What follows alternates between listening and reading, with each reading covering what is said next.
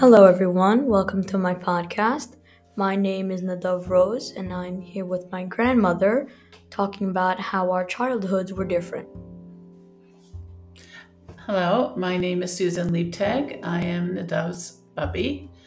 Um, I am his mother's mom, and our childhoods were definitely very, very different.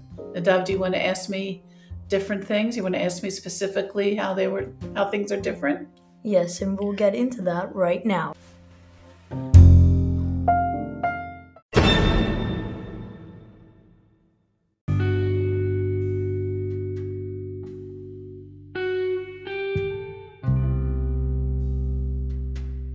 So, first question How did you meet up with your friends in the afternoon? Well, that wasn't as easy as it is today because there was no cell phones and uh, no texting. So usually we'd make our plans the night before by phone, or our parents would make the plans, and then we'd have to get, which is you, which you still do sometimes, a ride over to their house, and just make a play date to get together and then get picked up. But everything had to be done by the house phone. There was no cell phone. And so that made life a little more complicated. Of course, we didn't realize that then. Also, like when you went to school, did you also make plans then? Sometimes we would get together, and but if I went over to a friend's house, um, my mother would worry because I walked home from school, and if I wasn't home at a certain time, she would get nervous. Why wasn't I home? Um, so it wasn't usual for me to just go to a friend's house after school because I didn't want to worry her. Right. So you're saying you would probably set it say in school and then like go home and ask your parents if I can go. Yeah, that's what I would do. Okay, cool.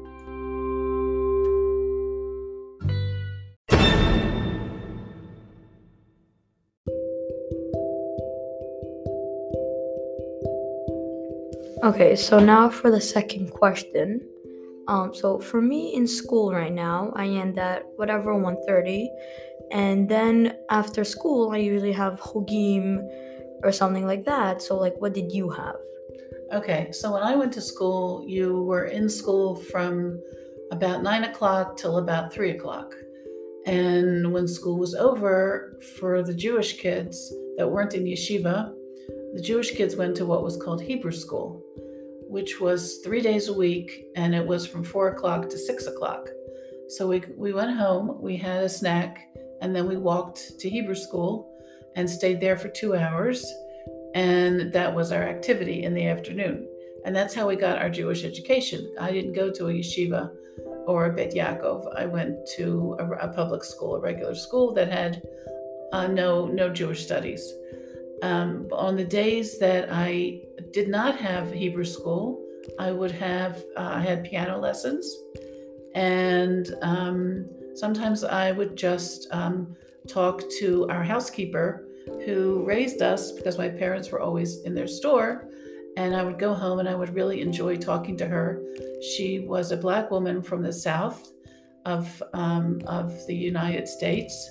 And she, her, her parents and grandparents had been slaves. Oh. And she had a lot of stories to tell. And she would talk to me, and we, we had a really good relationship. So that was a, a, an interesting thing I did, and I loved her very much. Wow, that sounds fun. It was. It was. Yeah.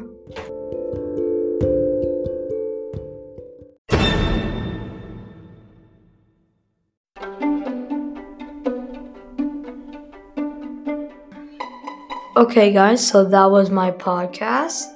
Um, probably going to do another one soon. So, so, um, so it's fun.